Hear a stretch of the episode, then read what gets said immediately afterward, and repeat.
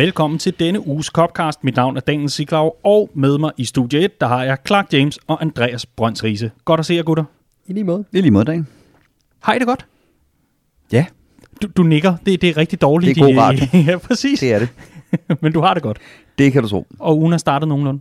Øh, ja, nu er den jo ikke så lang endnu. Det er Nej. jo mandag klokken 4 om eftermiddagen, så indtil videre har den ikke været forfærdelig. Indtil videre har den ikke været forfærdelig.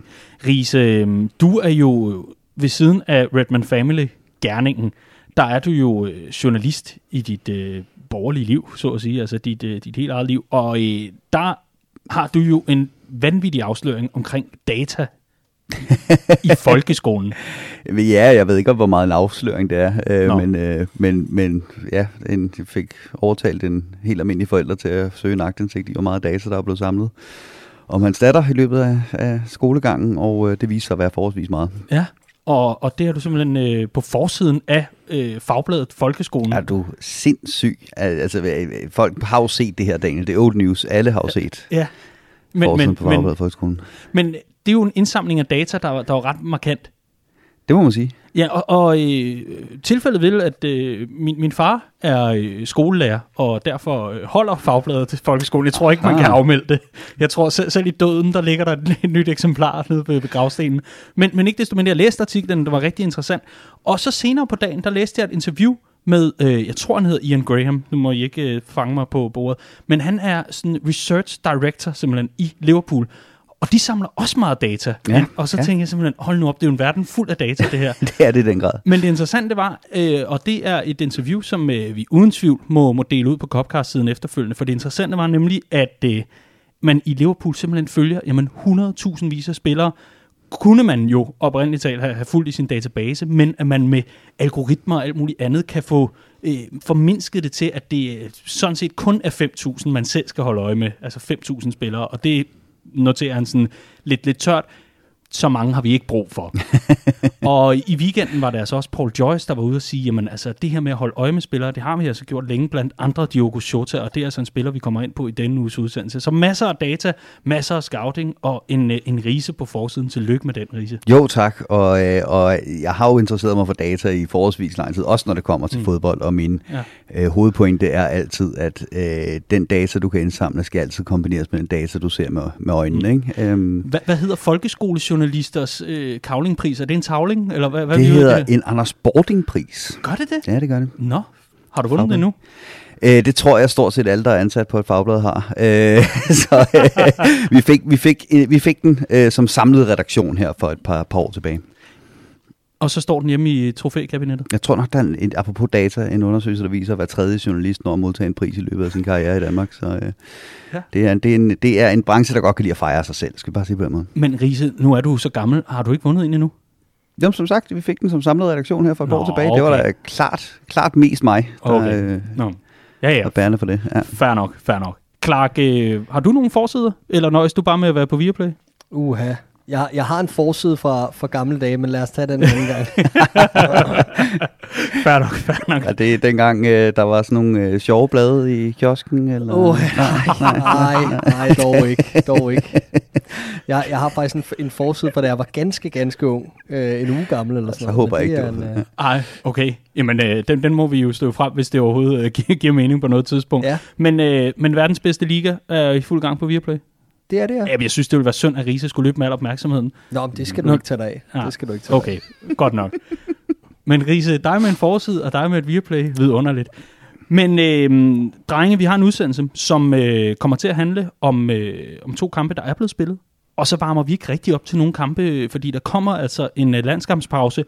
Og for første gang i, i et godt stykke tid, vil, vil jeg faktisk sige, ah, hvor rart. Fordi øh, skaderne, de vælter jo simpelthen ind over Liverpool, og der er jo ikke nogen grund til, at vi altså, skal til at stille med kantinedamer og alt muligt andet. Så vi nøjes med at gennemgå to kampe, men det er to rigtig spændende kampe, synes jeg. Der er mange taktiske ting, og så er der også øh, jamen, nogle bud på nogle resultater, vi lige skal have vendt en gang, fordi hvordan kan det være, at I kom med et bud, og det så måske blev et andet, og så videre, og så videre. Men jeg vil faktisk åbne den her udsendelse med, ud over et tillykke til dig, Risa, det var lige vigtigt og magtpålæggende, at øh, du også får noget kredit for Jamen, andet end bare Liverpool, tak, jo, ikke? Tusind tak. Øh, forfattere også, og alt muligt andet. Men øh, der kom faktisk en, øh, en kommentar, en besked øh, til Copcast, som øh, jeg gerne vil læse op, fordi den øh, gjorde mig så glad. den kom fra en fast lytter, Alexander Granlund, og han øh, skrev, fordi det var til en kommentar til, at øh, nu var øh, sidste uges udsendelse ude, så skrev han, har allerede lyttet. Kanon og dejligt program. Kæmpe ros til alle tre. I er Redmans farligste fronttrio, og heldigvis er I aldrig uskarpe. Så første spørgsmål, der ligesom er magt på liggende, det er, at er det med Shota, eller er der en af os, der er Bobby? Jeg er Bobby. Det er, okay. Den tager jeg gerne. Udmærket. Han skriver nemlig videre. Jeg har nu lyttet til jeres program, siden corona startede. Hold kæft for ærgerligt. så lidt fodbold. Nå. Øh, siden corona startede, og vil i weekenden starte mit medlemskab. Ikke mindst for at støtte her i coronatiden, men også spytte i kassen for, at dette herlige fællesskab remains strong. Tak, gutter. Og tusind tak til dig, Alexander, og de mange af jer, som i forvejen er medlemmer, og de mange af jer, som jo selvfølgelig overvejer at blive medlemmer, så synes vi, gør det. Bliv en del af fællesskabet, det vil vi blive så glade for, også fordi så kan vi lave mange flere copcasts og fortsat udkomme. Det vil vi simpelthen blive så glade ved. Absolut. Absolut. Uha. Lad os, øh, i stedet for at smide alt muligt skiller ind, så lad os i stedet for prøve at høre, øh, ja, fordi der var nogle bud på en øh, Champions League-kamp, der altså blev spillet den forgangne uge. Og der havde I øh, selvfølgelig været jeres bud på, hvad den endte. Og lad os lige høre, hvad I gættede, den vil ende i sidste uge.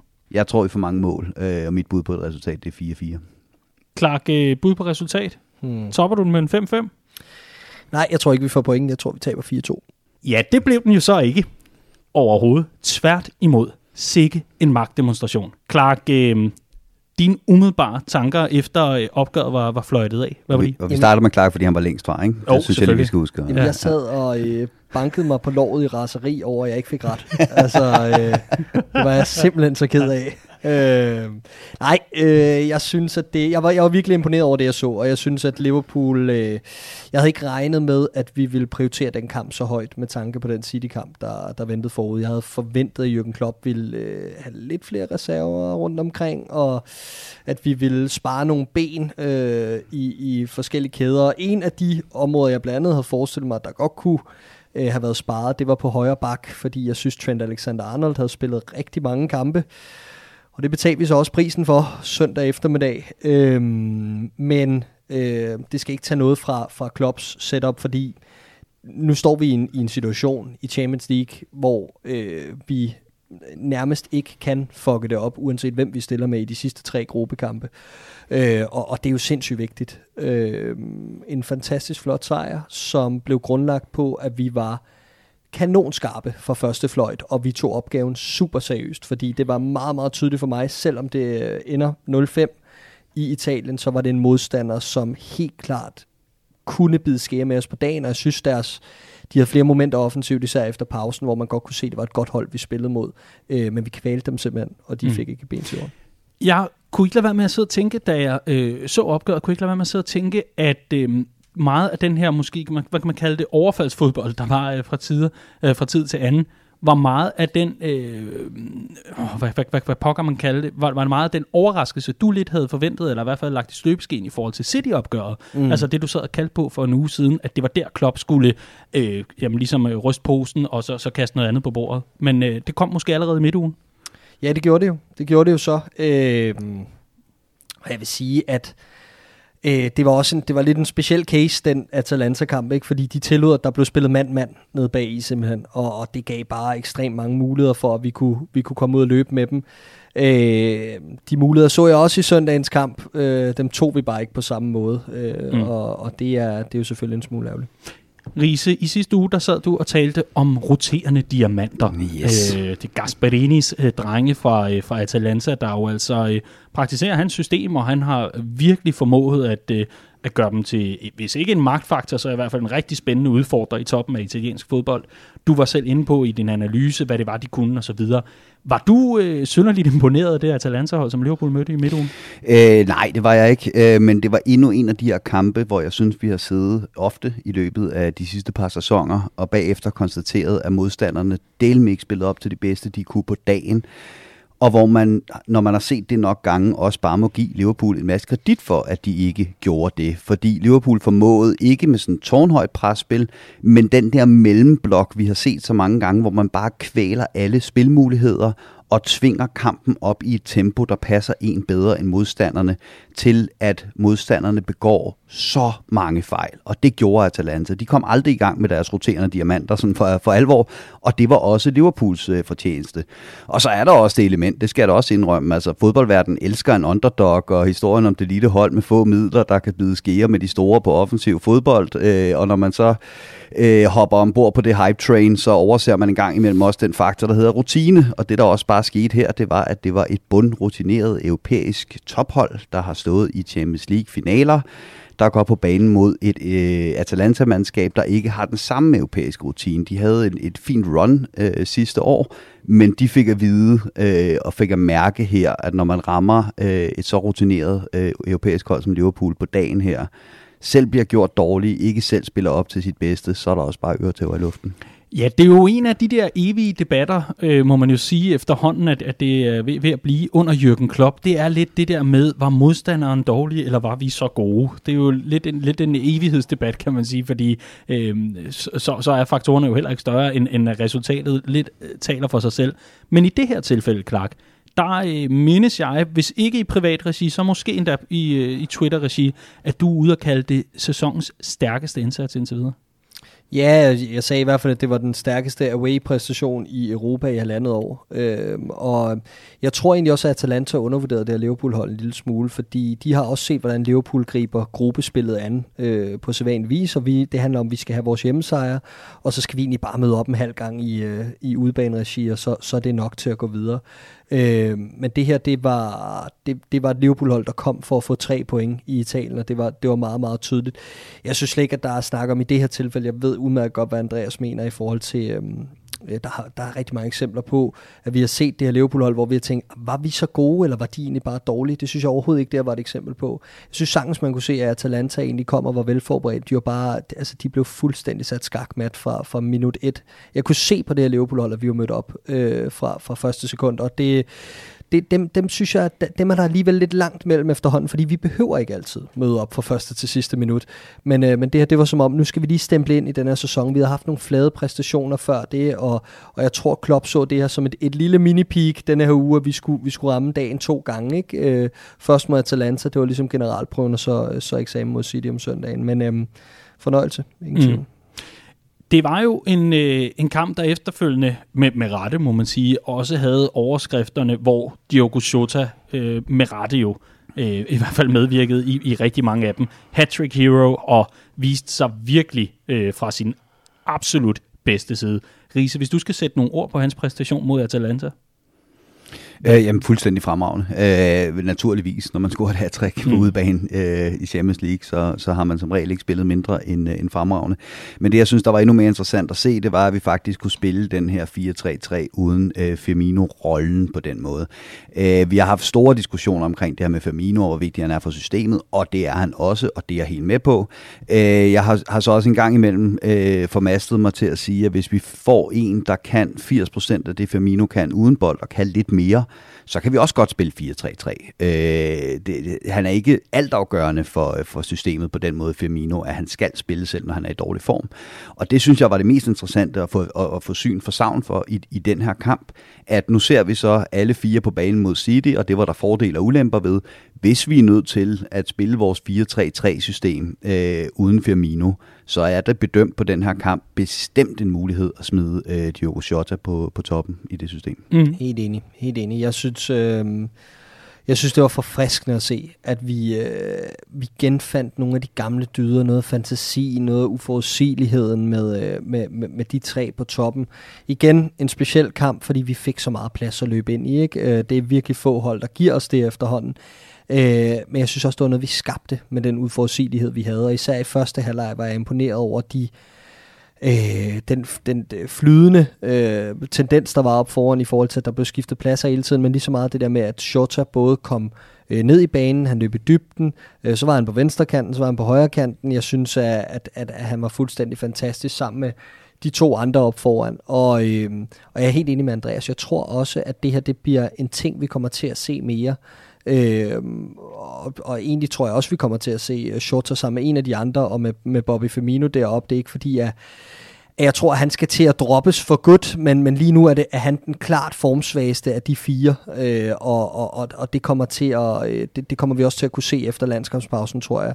Der tror jeg, at Bobby Firmino kommer til at, mm. at, at, at droppe mod bænken en lille smule. Hvis vi øh, lige ser nærmere på, øh, på Shota, fordi et af de, de flotte mål, og det var flotte mål, det var øh, virkelig nogen til highlight-DVD'en efter sæsonen øh, i allerhøjeste grad. Lad os håbe, at det bliver en, en med europæisk islet også.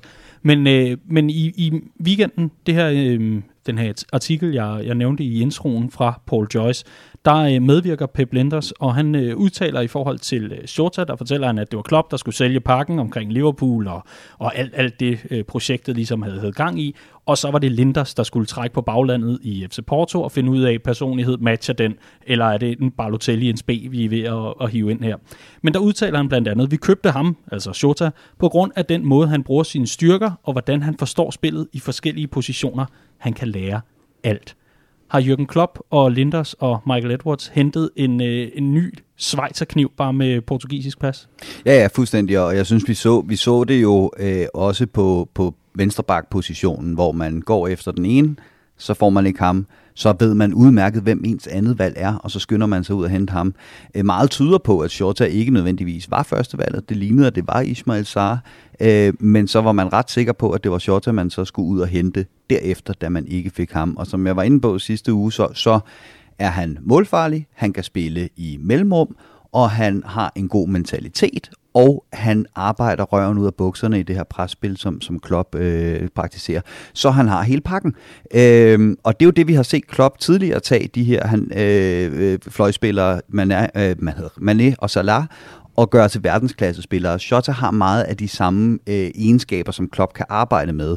Øh, han, var, øh, han var en tand for svingende i Wolves. Han havde sådan tre måneder, hvor han bombede, tre måneder, hvor han ikke gjorde. Og det er jo så det, der bliver interessant at se nu i Liverpool, for det er jo lige præcis det, Klopp har pillet ud af Mané og Salah. Præcis. Det er nøjagtigt samme beskrivelse, de kom til især Liverpool Mané. med, især Mané, øh, hvor han nu har fået de her konsistente verdensklassespillere ud af dem.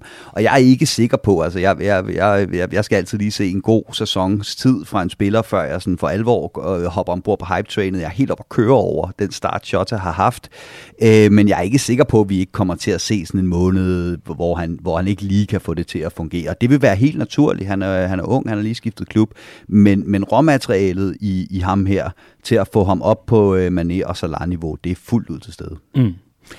Det øh, har, som øh, du også var lidt inde på, Clark, jo været øh, det noget nær perfekte europæiske gruppespil for, for Liverpool indtil videre. Altså øh, fuldt hus, og man har vundet begge af de svære udkampe. Det tillader jeg mig med al respekt for øh, de forsvarende danske mestre FC Midtjylland at sige, at øh, altså Ajax og Atalanta på udebane er den skalp, er ligesom hentet. Nu er det de to, forstår mig ret, svære kampe i gruppen, der nu resterer tilbage på Anfield, og så er det ellers måske, det må vi jo lige se på, en uh, tur til Midtjylland. Der er jo noget med de her mutantmink, eller i hvert fald muterede uh, øh, coronavirus-mink i Nordjylland, og uden at vi skal træde i en eller anden større, uh, hvad, hvad ved jeg, sorg eller, eller skandale, eller hvad, hvad pokker man nu ser det som, så kan der jo altså være, uh, være mulighed for, at uh, Liverpool ikke kommer til Danmark, som uh, følger af de her uh, hårde restriktioner, der altså er ramt Danmark nu, hvor uh, en mulig covid-20, eller hvad pokker det er, Cluster 5, jeg ved ikke så meget om det der, men det kan altså få, få indflydelse, så måske kommer Liverpool ikke til Danmark. Men lad os nu se, der er altså stadig nogle uger tilbage, inden, øh, inden øh,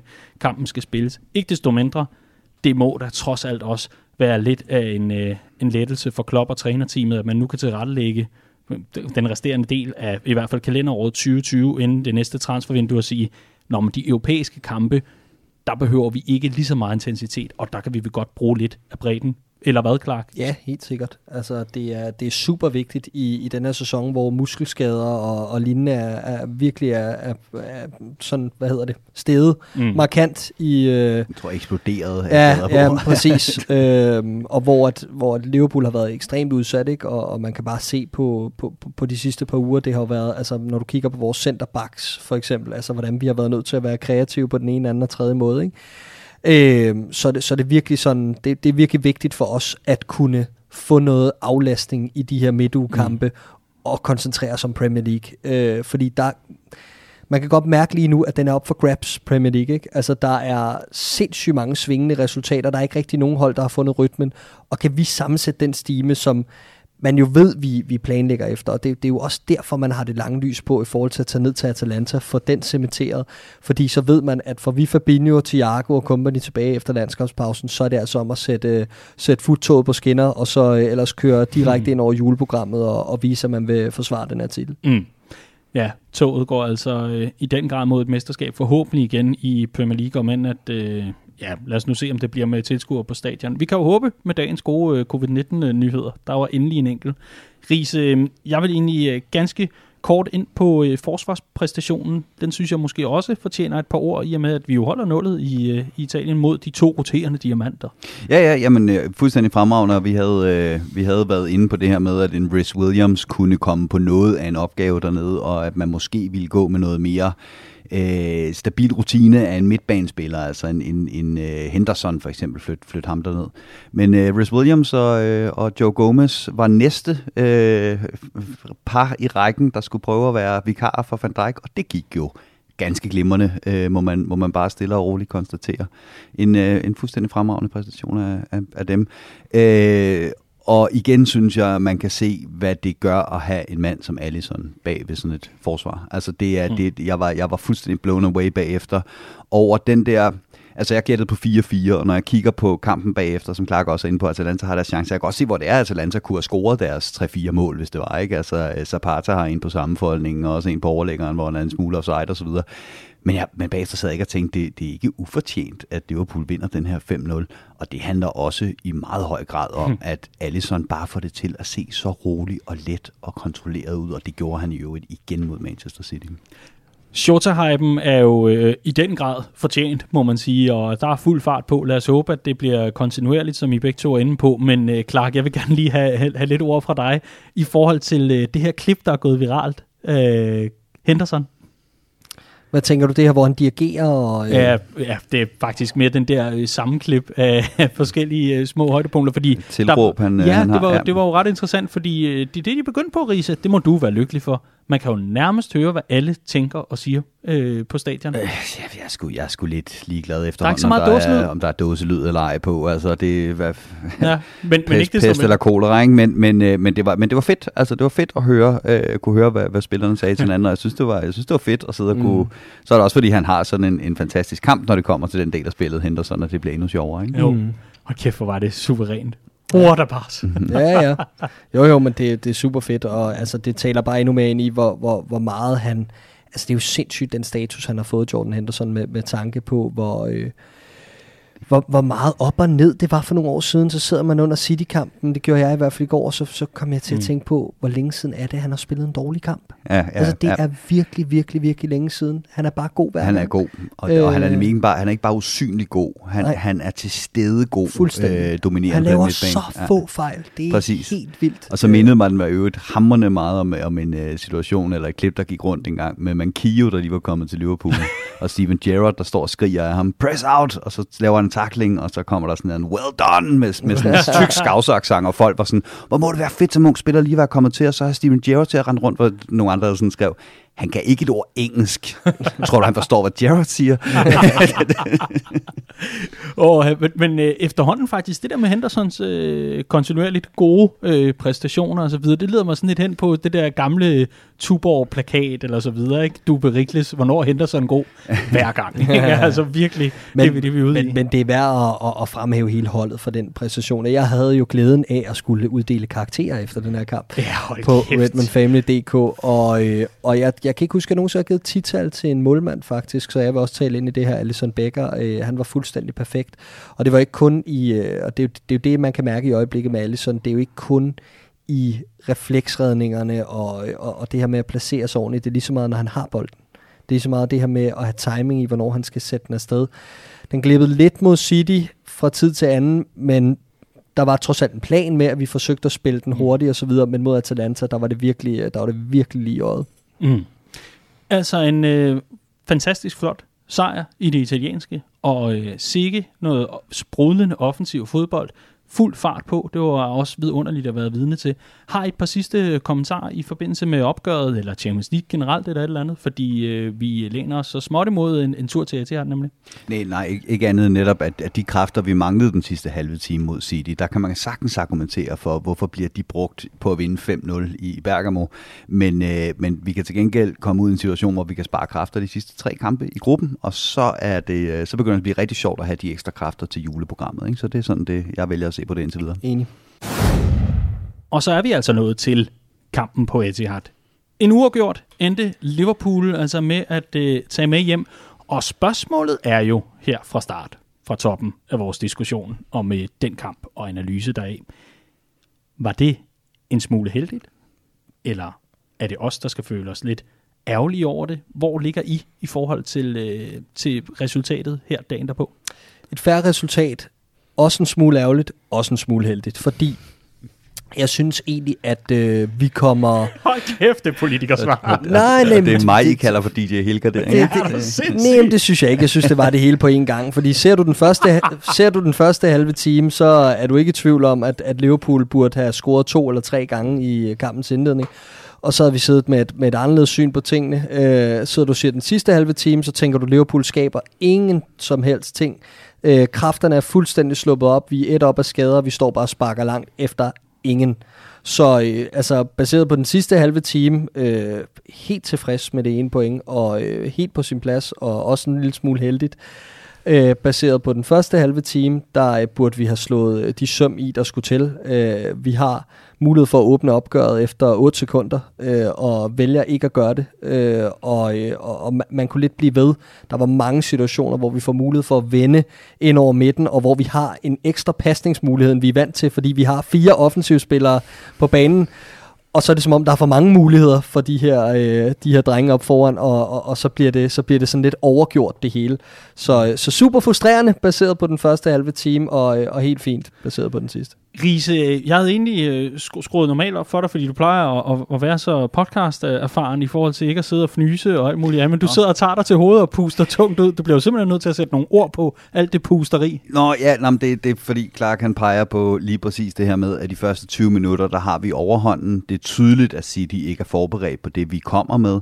Øh, vi, vi spiller en, jeg vil, ikke- jeg vil ikke engang prøve at sætte tal på, hvad formationerne var. Det var 4-4-2 4-4-2. uden bold, og så med bold. Der var det en eller anden form for 4-2-4-0, fordi vi lå nærmest med fire mand i mellemrummet, og ikke nogen helt på toppen, og det var, det var absurd flydende, og det var tydeligt, at City anede ikke deres levende råd. Og inden for de 20 minutter, grund til at sidde og fnyser og bruster herover, det er, at vi kommer nemlig frem på sidste tredjedel med fire mand i boksen, helt ufattelig mange gange, og så bliver det sløset, og så bliver det en mærkelig aflevering, og så løber det ud i ingenting. Øhm, og der var, jeg, der var jeg fandme frustreret, fordi du kan ikke regne med at få 90 minutter på den måde på Etihad. Og ganske rigtigt sker der jo så også det, at City begynder at indstille sig på, hvad det er, vi gør. De ændrer fuldstændig på, hvor det brøgne lægger sig henne på banen, og så er det lige pludselig os, der er en lille smule på bagkant. Det begynder at finde ham i de, i, de, i de rigtige områder. Og så har de en periode, hvor det er fuldt fortjent, og de så får udlignet. Og jeg havde jo så skudt på den her øh, famøse øh, 0-0 meget taktisk låste opgør, hvor begge hold er tilfredse med en uafgjort. Det skete også. Det var bare kun den sidste halve time af kampen, øh, der, der udspillede sig sådan. Men, men, den, men kampen endte sådan, som jeg havde egentlig regnet med, den startede. Og, øh, og inden da, der havde Liverpool både haft en periode, hvor de kunne afgjort det, og City havde for så vidt også en periode, hvor at, at Liverpool skal være heldige, at de ikke får mere ud af det. Jeg er også sindssygt imponeret over den måde, vi kom ud til kampen på. Jeg synes, vi virkede så velforberedt og så klar. Jeg ærger mig over, at der ikke er en enkelt mere end Mané, der rammer niveauet i den frontkæde. Og han var eddermame også dårlig i et par af de der Ja. sidste tredjedels situationer. Ja, han var, han var i hvert fald uskarp i nogle situationer, men jeg synes, han var den bedste af dem op foran, og, og jeg synes, han, han, han var trods alt afgørende. Øh, men Over for idioten. ja, Ja, det er Roy Keane, der kalder Kyle Walker for en idiot. Det er altså ikke mig. Nej, men øh, nå, nok om det. Øh, men, men jeg ærger mig over, at der ikke er flere, der rammer dagen derop, fordi var der bare en mere, der havde ramt niveau, så var vi blevet rigtig giftige. Jeg synes, for at være helt ærlig, øh, jeg har sagt det mange gange, jeg elsker Bobby Firmino og alt det her. Efter 30 sekunder viser han, hvorfor han ikke skulle have startet ind. Altså, hvorfor sparker han ikke den ind? Det, det er simpelthen for Ja, han i indirekte. ramme han skaber nul chancer, og han skyder nul gange i kampen. Hvis du laver et Han, stillbillede... han, han rammer målet nul gange. Ja, det rammer Han nul gange. Bager Ja. den jo over der, hvor han skal score. Ikke? Ja, det er rigtigt. Det er rigtigt. Men øh, hvor, hvordan han ikke får en afslutning på, på den, eller i den situation der. En, en, en angriber, hængende angriber, hvad man vil kalde ham, uden selvtillid i den situation, er nødt til at prøve at sparke på mål, i stedet for at overgøre det. Altså, det, det er jo... Åh. Så jeg blev sådan lidt frustreret øh, ganske tidligt i kampen, fordi jeg sad med den fornemmelse, at vi skulle udnytte det, vi havde i de første kvarter 20 minutter. Øh, fordi det var der uforudsigeligheden kom ind, og det var det, vi havde snakket om op til kampen, det her med, at Liverpool skal komme og tage City øh, på sengen i det her opgør. Og det gør vi også. Så gameplanen lykkes, og vi er skarpe fra start af. Mm. Så skal vi simpelthen være skarpere, øh, når, når, når tilbudene byder sig. Og det er ikke kun Bobby Firmino, der er også flere muligheder. Øh, Shotter sparker hul i luften to gange. Øh, Mohamed Salah har nogle gode muligheder fra kanten af feltet, hvor han vælger ikke at skyde. Og det var bare sådan, og, og det er jo, hvad man får, når man spiller et system, som man ikke er vant til. Øh, jeg havde bare ønsket, at de lige fik den tur i den i de første 5-10 minutter med 1-2 scoringer, som kunne have gjort det rigtig sjovt. Ja, og, og jeg- synes, Clark peger på noget essentielt her, som er, Liverpool i et eller andet omfang også overrasker sig selv med den måde, vi Ja. kommer ud på. Og, og det synes jeg også, vi ser, da City så begynder at få, få styr på den her kamp. Ikke? Øh, ved målet, der presser man er fuldstændig, som man skal i en 4-3-3, men han sælger fuldstændig midtbanen, fordi han bliver spillet udenom, og så har Kyle Walker en altså, motorvej ned ad højre kanten. Øh, Gino Wijnaldum, der plejer at ligge på en tremands midtbane, gør som man skal der. Han presser ud på bakken, mens han prøver på at afskære pasningsmuligheden ind til De Bruyne. Det er eddermame svært, når man ligger på en tomands midtbane. Og så er De Bruyne lige pludselig fri i det område, hvor han bare ikke må være fri, og hvor vi ikke har nogen defensiv midtbanespiller til at optage det område, som vi ellers ville have haft. Og der synes jeg også, man kan se det her med, at Liverpool bruger overraskelsesmomentet, men det man så til gengæld øh, går glip af, når man, øh, når man stiller op på en anden måde, man plejer, det er det, som Morten Olsen ville kalde automatismer. Ikke? Altså, vi, har, vi har simpelthen ikke, øh, vi begynder at reagere, når, når, når vi skal re- reagere øh, rygmavsagtigt, som vi gør i en 4-3-3, og så opstår der de her småfejl, som City begynder virkelig at udnytte, øh, og især Gino Wijnaldum, vil jeg gætte på, havde en meget, meget, meget, meget lang kamp. Øh, og yes. det kan jeg godt forstå, fordi er du gal, hvor blev han også bedt om at dække et stort område ja. over for en virkelig dygtig ja. fodboldspiller. Ikke? Jeg, jeg synes, du er flink ved ham. Jeg synes, Jordan Henderson løser den opgave rigtig det var også fint meget tydeligt, at han hellere ville ligge bag ved Gini og søge områderne, end han ville ligge Nå, bag ved Henderson. Nå ja, på den måde. Ja, ja, ja. helt sikkert. Øh, men jeg synes også, han lykkes alt for ofte med det. Og Mhm. mm-hmm. jeg er med på det nye system, og jeg er helt med på den arbejdsopgave, de havde for dagen. Henderson og Wijnaldum var enorm. Altså, det var kæmpe krav at sætte dem ind på altså en tomands midtbane away mod City i en, i en ny formation og med, med, med så offensive folk op foran helt sikkert. Men jeg synes, Gini var en aldum, der var for meget sløseri, og i ja, den ja. situation der, altså det, det er virkelig, virkelig åbenlyst ved målet, at han skal, han skal virkelig bare dække den vinkel til, til de brøgne, og så lade Kyle Walker løbe med bolden. Ja, altså. ja, ja, men når det er så spørgsmål, Men, hvad man har øh, fået af instruktioner. Man har næppe heller fået en instruktion om at sælge hele holdet med en enmandspres, men det, men det er så en anden sag. øhm, og, så, og så er der det her, der, der også er i det, som jeg også synes, er, er, at, at ligger i det her, det er, den måde Liverpool går til den her opgave, er også fascinerende på den måde, at vi har tidligere set os lægge en mand sådan på Kevin De Bruyne, ikke? Det man gør her med, med de to angriber øh, i en 4-4-2, når de skal spille den op, det er, at den ene ligger og, og passer, skærer vinklen af ned til, øh, til Rodri, og så ligger vores tomands midtbane og skærer pasningsvinklerne af til De Bruyne. Mm. Og det er altså meget, øh, det er meget frontfoot at, mm. at dække pasningsvinkler i stedet for at dække manden. Yes. Øh, og, og det fungerer jo på den måde, at da Jesus scorer, han tager to berøringer, det er hans 8. og 9. i kampen. Hans 8. og 9. berøring i den kamp. Vi har faktisk fuldstændig fået, øh, fået kottet af. Altså Sterling, han, øh, han har et par okay aktioner derovre og er ved at brænde sammen, som man plejer mod Liverpool og, og, og så videre. Øh, og, øh, og Trent kører i øvrigt noget glimrende øh, underspillet shithousery på ham, og, og alt er godt. Øh, men, men, men da de begynder at få, få øh, justeret City til, hvad det er, Liverpool kommer med, så er det klart i en periode til Citys fordel, at vi spiller på en anden måde, end, øh, end, end vi plejede at gøre, hvor det var klart til vores fordel i første 20 minutter. Mm. Og, øh, og apropos Trent, øh, den aktion omkring målet, det vil jeg helst ikke se igen. Øh, han må aldrig lukke ham ind på en af siden der. Øh, det var sgu skidt. Mm. Riese, øh, vi skal lige se nærmere på forsvarsduoen, fordi at, øh, du øh, entrerede, var jeg lige ved at sige, i hvert fald øh, studiet med et, øh, et stat, eller i hvert fald en, øh, en information, jeg synes var ret interessant. Ja, men det, det, det, det er sjovt, fordi øh, Mané, eller undskyld, øh, Matip og, øh, og Gomez starter jo sammen som makkerpar her, og jeg har sådan, øh, jeg har jo faktisk kaldt på, også før Fabinho blev skadet, at vi havde mere brug for ham på midtbanen, så jeg kunne godt tænke mig at se det her, øh, det her øh, makkerpar af de to centerbacks, vi nu engang har, prøve at se øh, dem blive spillet sammen, se hvad de, hvad de kunne føre til. Og så sad jeg og, og, og gravede i min hjerne og tænkte, hvordan er det egentlig gået, når de ellers har spillet sammen, de to? Og jeg kunne ikke rigtig pege på nogen gode kampe, og så sad jeg sådan lidt, nå, det, det, det fortaber sig lidt i tågerne. Og så øh, kommer James Pierce efter kampen med, øh, med det øh, glimrende stat, at det her var det 37 øh, centrale markerpar, øh, som Klopp har brugt i det centrale forsvar øh, i sin tid som Liverpool-manager, fordi de har aldrig startet en kamp sammen før Matip og Gomez. Så er det jo ikke så underligt, at man ikke kan huske, hvordan de plejer at fungere som markerpar, kan man sige. Den, den kom ud efter Everton-kampen, fordi at han jo netop kom ind, øh, øh, Gomez, for, for Van Dijk i den kamp. Øh, og og, og der, jeg undrede mig også sindssygt meget over det. Altså, de har ikke startet sammen. Ja, præcis. Ja, ja. At, at de aldrig har startet en kamp, fordi det var sådan, nå, men nu er det tid til Gomez Gomes og Matip, som aldrig er startet ja, sammen før. præcis, øh, præcis. Så ja, øh, og jeg synes egentlig, de kom fint fra de det. De er lige, fremragende, og især, især mm. sådan en som Matip, altså han ser stor og gumbetung ud, og han er en sygt langsom starter, når han har været skadet, ikke? og det har han jo været her. Der går altid lige 10 kampe, øh, hvis ikke han når at blive skadet igen inden da, før han er sådan helt op i omdrejning, og så er det, vi ser de rigtig gode kampe for ham. Ja, det var, man kunne godt se, at han var rusten, men er du sindssyg, jeg synes, han spillede godt. Især i første halvleg. Ja. Altså, det, det var så meget, han blev lidt træt i anden halvleg. Det, det er ikke så meget at sige ja. til. Øh, men, men jeg er helt enig. Jeg synes, det var, jeg synes, det var overbevisende. Det vil mm. jeg sige. Jürgen Klopp startede også med øh, det nye Fab for. Hvad skal vi, øh, hvad skal vi tage ud, ud fra det, Riese? Hvad, hvad, hvad skal vi øh, zoome ind på der, hvis vi skal prøve at blive klogere på, øh, om, om det har en fremtid? Øh, jeg kunne bedre lide det tremandsangreb, vi spillede med i Bergamo. Mm. Øh, det, der var noget overraskelsesangreb i det. Øh, jeg kan godt lide ideen om Firmino på den offensive midt, fordi han er så god til at hjælpe midtbanen. Han arbejder så hårdt, så når en tømmerens midtbane bliver for tynd, så, så, så er der ikke nogen offensiv midtbanespiller, jeg hellere vil have en Firmino der. Øh, jeg kan bare helt ærligt, og det er faktisk ikke engang sådan polemisk, men ud over hat kampen mod Arsenal, så kan jeg ikke pege på en god kamp, Firmino har spillet som offensiv midt. Heller ikke, når han har været i god form. Hele det der 4-2-3-1 øh, periode, vi havde i, øh, i efteråret 18, der var det Shakiri, der var, der var stjernen, der bar holdet, der lavede øh, de magiske momenter. Mm. Øhm, Firmino endte som regel nede mellem midterforsvarende for at finde plads, øh, og, og jeg synes også, at han kom utrolig dybt i den her kamp øh, til tider, øh, når, vi, når vi havde bolden.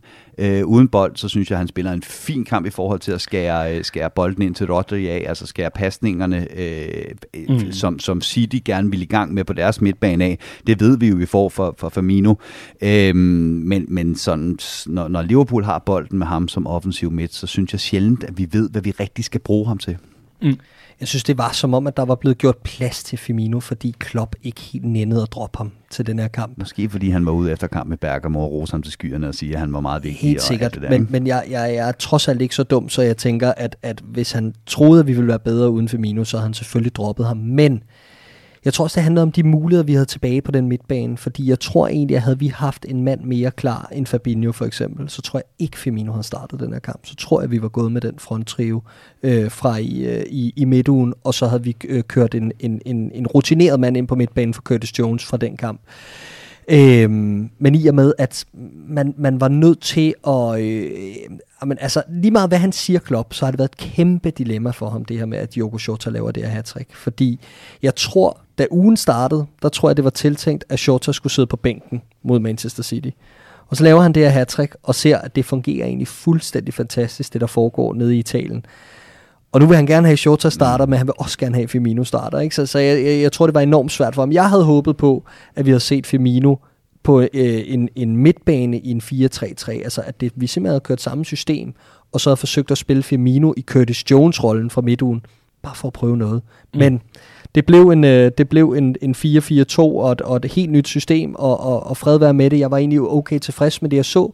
Øh, jeg tror, der er potentiale i det her, men øh, der er en sindssygt meget arbejde på, før det bliver knivskarpt. Og så er der, så er der en pointe, som, som jeg har øh, fremført et par gange, og som jeg også synes er, er værd at tage med her. Det er, ja, på papiret er det mere offensivt at have fire offensive spillere på banen. Men hvis det betyder, at dine to på midtbanen er decideret defensive midtbanespillere, hvis det betyder, at dine bakker er nødt til at blive tilbage i banen, fordi at der ikke er nogen øh, to øh, otter, der kan presse ud og dække deres områder. Når man ser heatmappet efter den her kamp, så er, jeg kan ikke huske, hvornår Robertson gennemsnitligt set har været så langt tilbage på banen, placeret i løbet af kampen. Og det er klart, fordi han har ikke en Gini Wijnaldum, der på samme måde mm. kan presse ud, når han skal ligge og holde øje med Kevin De Bruyne, mm. alt det her. Så, så hele ideen om, at bare fordi man har fire offensive spillere på banen, så spiller man mere offensiv fodbold, den er altså en lille smule forfejlet. Det er vores 4-3-3, der mere end alt andet har gjort, at vores bakker har fået så afgørende offensive roller i øh, Liverpool, som de har fået. Og så vil jeg lige sige, jeg tror, Klopps masterplan var at få Matip og Thiago klar til den her kamp. Jeg tror virkelig, han havde håbet på, at Thiago kunne være med på den her tremands midtbane mod City og ligge og fodre de forreste. Øh, og, og det skulle være uforudsigeligheden. Men øh, det blev ikke tilfældet, og så måtte man ryste posen. Indskiftningen af Shadan Sakiri, øh, den giver jo meget hurtigt på det, i hvert fald i forhold til, at så genoplives øh, front, øh, frontkæden i hvert fald en, en smule. Der kommer noget energi, der kommer noget samspil, nogle kombinationer, og så er det som om efter to-tre minutter, æbber det stille og roligt ud, og Liverpool mister igen pusten, fordi gassen er, som I selv er inde på, ved at ryge lidt ud af ballonen. Øh, det har været en tung midtuge, det har det også for Manchester City, må man gå ud fra, men, men det har været en tung midtuge, og man kan godt se, at energien er ikke på, som, som hvad den var, da kampen startede. Det vil være en øh, diplomatisk udlægning. Men mistede vi lige pludselig noget i forhold til presspillet der, Riese? Fordi det har været en diskussion, Clark og jeg har haft øh, uden for mikrofonernes øh, rækkevidde. Jeg synes jo, vi mistede rigtig meget presspillet ved at få Shaqiri ind, og det har jo været en af dine helt store kardinalpunkter i forhold til, at det er nu engang det, man giver køl på ved at skifte en øh, Shane Shaqiri ind. Ja, ja, jamen det, det gør man også. Jeg ved ikke, om vi gjorde det så meget i den her kamp, fordi der var vi begyndt at falde tilbage, fordi benene var så, så trætte. Øh, så, så jeg synes ikke, at han stak ud på den måde, han nogle gange kan gøre som, som hullet i, øh, i, i presspillet. Men helt generelt, der hvor han kommer ind, det er også der, hvor man kan se, at de løber rundt med mælkesyre til op over begge øjne, stort set mm. samtlige spillere. Jeg, jeg, havde sådan, jeg havde sådan den der følelse af, at når man, når man bliver sendt ud på sådan en vandretur i skoven som spider, og når man er gået 20 km, så er man bare kold og træt og våd, og det er pisset ned, og man gider ikke mere, og der er 10 km igen. Det var det, jeg så, da jeg kiggede ind på de øh, spillere, der rendte rundt inde på banen øh, det sidste halve time. Altså, mm. det, var, det, var, det, det var bare spillere, der var våde, kolde, trætte og ikke gad mere, og nu skulle den her kamp bare være slut, og mm. alle var tilfredse med et point. Ja, og du pointerer, fordi det skal jo også lige med i den diskussion, eller i hvert fald den samtale, du og jeg har haft, Clark, der pointerer du, det handler altså rigtig meget om, at Trent Alexander-Arnold må udgå. Fuldstændig. Altså det er jeg ikke i tvivl om. Øh, du siger, at det fungerer godt de første par minutter, og sjov nok, efter de første par minutter, han har været på banen, der udgår Trent. Øh, og, øh, og, og, og det er der, hvor planen dør for os, fordi der har vi ikke nogen til at til dels skabe pladsen for Shakiri, og til dels... Øh, sætte vores angreb op. Altså, vi begynder bare at flytte bolden frem og tilbage i bagkæden, og så er der ikke fantasi og, øh, og tempo nok, og så bliver der bare sparket langt, øh, når, når City sætter presset ind. Og der dør den simpelthen for, mm. øh, for, for Liverpool, og, og, og der, derfra bliver det ren overlevelse, som jeg sætter. Så kan man sige, Shaqiri i sig selv starter, ja, starter godt, øh, har en to-tre gode aktioner der, og så begynder han, det bliver lige akkurat stolpe ud, og han, man kan se, at han kommer ind med noget sult og sådan nogle ting men, men, men magter ikke rigtigt at, at, indgå i kombinationerne, og igen, svær kamp at komme ind i og sådan noget, men, men skide ærgerligt et eller andet sted, at det skulle blive historien om, om da han så fik indhoppet. Jeg havde ondt af ham i midtugen, at han ikke kom ind, da Liverpool fører så komfortabel, og han er i så god form og sådan nogle ting. Det blev der ikke snakket om, fordi det gik så godt, og alt gik fint, og man skulle også prøve at spare Trent nogle minutter og sådan noget. Det gav helt fin mening. Øh, og så bliver han kastet ind i det her, som manden, der skal afgøre det. Ikke? Øhm, men det er, hvad det er. Ja. Vi, har jo, øh, vi taler jo lidt om, fordi øh, James Milner må jo træde til, og altså, øh, og altså agere højre, højre dør. Øh, altså, manden kan jo løse nærmest alle opgaver, og men at det, det bliver så også derefter i forhold til, hvor meget, øh, hvor meget han nu engang matcher lige præcis den position. Men jeg ser jo også på det her opgør, og ser en startopstilling fra midtugen, og en startopstilling for City-kampen. Og med startopstilling mener jeg også, hvem der sidder på bænken. Og begge gange bemærker jeg, at Nabi Keitas navn figurerer, men han kommer ikke i aktion nogle af gangene. Kun, mod Atalanta kommer. Ja, undskyld, mm. godmorgen. Men kommer ikke i aktion på, på den, på, på den mm. manier, at han kommer ind og bliver afgørende mm. i forhold til øh, netop, at, at Liverpool så småt er ved at miste pusen. Det er det, der er mm. pointen. Sorry, det, øh, det kom forkert ud. Det, det, der sådan er min pointe her, det er, er det ikke ved at være lidt bekymrende, Riese, i forhold til Naby Keita? Vi har haft en, en evighedsdiskussion nu. Altså, skal han ikke for pokker kunne gå ind og ligesom bevise, at han også er en del af det her mandskab, som begynder at miste pusen hen mod, øh, mod slutningen af kampen mod City. Spørger du seriøst mig, om det vil være bekymrende med Keita? Det øh, synes jeg, jeg, synes, ja. jeg har givet udtryk for, jeg synes, det har været længe. Ja. Øhm, jo, det, det, og det synes jeg, det, det er også, på, fordi der har, det har været sådan ret mystifystisk, hvad der egentlig har været i vejen med ham. Mm. Ikke? Altså, han bliver skiftet ud i pausen sidst, vi, øh, vi så ham starte inde øh, så har han været væk, og har det været på grund af noget corona? Ja, det, det har det i første det omgang. i første omgang været. Man har ikke, så gik der, der lidt rigtig, lang tid. Så gik der lidt lang tid med ja. det der corona. Øhm, og jo, altså jeg, jeg, jeg, er, jeg er meget der, hvor jeg sådan tænker, nu vil jeg godt snart se den mand gøre en positiv forskel øh, over en længere periode i streg. Leicester-kampen er ved at være længe mm. siden. Jeg synes, det der gør det rigtig bekymrende er, selvom han har siddet ude skadet, så at man ikke i en kamp mod City prioriterer man højere at skifte system, frem Præcis. for at sætte ham ind som den tredje mand på mm. midtbanen fra start. Som, altså det, det er det første, at man så ikke skifter ham ind, og man har en udskiftning tilbage, der kan man slutte. Det, der ja. men, men, men der er man jo selvfølgelig bange for, fra Klopps side går jeg helt klart ud fra, med alle de skader, der har været, og bruge den sidste udskiftning, skulle, der gå, skulle Matip gå i stykker med fem minutter igen så spiller vi med 10 mand mm. med trætte ja, ben ja, ja, og så videre. Ja. Så det er helt klart for at passe på, om, om der skulle ske en, en, en skade og så videre. Men, men det, det ændrer bare ikke på, på, på ting omkring Naby Keita og bekymring omkring, at vores 53 millioner pund mand sidder derude, øh, og, og, og vi stoler ikke nok på ham til, at han kan gå ind og være en del af det her system, som vi jo stoler på. Altså det, hmm. det, det, det er vildt nok, og selv når jeg sidder før og fremfører de her argumenter for, jeg tror egentlig Klopp helst vil holde fast i systemet, hvis han har haft en rutineret midtbanespiller. Ja, han er ikke engang med i mixet, nej, altså, nej, øh, nej. Og, og øh, ja, det, det, det, er, det er en smule bekymrende jo. Mm. To say the least. Ja, og, og, og det er altså ikke, fordi vi nu skal åbne, jeg, jeg er tæt på at kalde den Pandoras øh, boks i forhold til at skulle øh, diskutere Naby Keita de næste fire uger streg. Der er heldigvis også en dansk kampspause. Men, øh, men ikke, ikke desto mindre, vi, øh, vi, vi, vi er også ved at nå, nå, nå dertil, Riese, hvor at, øh, at vi vel også skal gøre lidt status. Og der øh, tænker jeg, Clark, altså du er jo kommet der nogenlunde over øh, Virgil van Dijk's skade nu, er du ikke? Altså den værste sorg har vel lagt sig. Nu er det mere sådan sympati og ærgelse, empati og alt det der, der kommer frem, ikke? Chokket har lagt sig, ikke? Jo, jo, det synes jeg. Jeg ja. synes, reaktionen har været god. Fordi, så lad os lige gøre status. Her efter at Virgil van Dijk, der jo i den grad må sige, har været en af Liverpools absolute nøglespillere, hvis ikke nøglespillere run i, øh, i adskillige år, jamen øh, efter han udgik øh, knæskadet mod øh, Everton, jamen der har Liverpool spillet seks kampe. De har vundet fem, spillet en uafgjort, scoret 13 og indkasseret 3.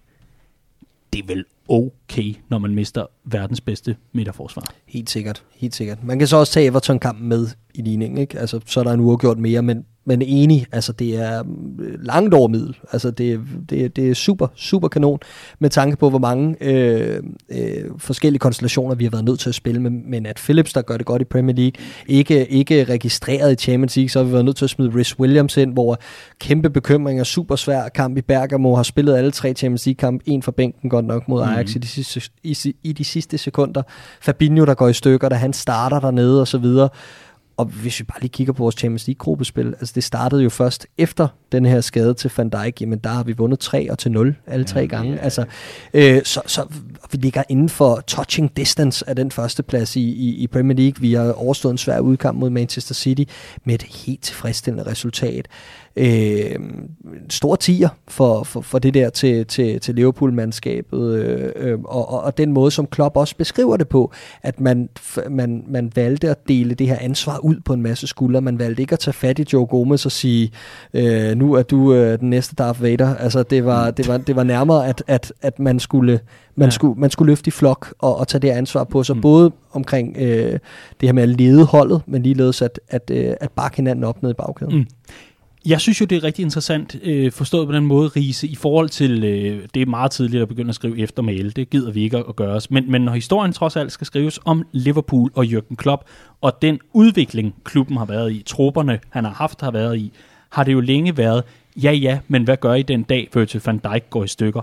Nu har man sort på hvidt, trods alt en kort række kampe, men alligevel har man det her. Det er jo ikke fordi, at det hele er faldet fuldstændig fra hinanden. Tværtimod. Så Men... det, jeg vil høre dig om, Riese, det er, Jürgen Klopp har vel lige præcis lykkedes med sin absolut øh, absolut vigtigste mission, vil mange måske mene i forhold til, til Liverpool, der jo netop er, ingen er så afgørende, så at Liverpools fremtid, forstået på den måde, øh, lige pludselig ligger i ruiner, så frem at de ikke måtte være med mere. Jamen, det her, det er historien om Jürgen Klopps Liverpool de sidste to år, og øh, har, har været det her med, efter vi gik væk fra sådan noget heavy metal fodbold, øh, Jubang og, øh, og de romantiske mestre, øh, så ligegyldigt hvad der er blevet smidt i hovedet på os, så har vi vundet 2-1. Altså, det, det, det, jamen, det, det, det, er, det, det er ikke engang løgn, vel? Altså, det er Virgil van Dijk fint nok. Jamen, den kommer man over sidste år, hvor at, øh, at, at folk sad og snakkede om, at City havde været hårdt ramt af skader. Der kunne man lave en lige så lang liste over Liverpool-spillere, der havde været ramt af skader. hvor uden Allison i lang periode, og hvis man har set Adrian spille fodbold, så ved man, at det øh, kan være en rimelig stor tab også.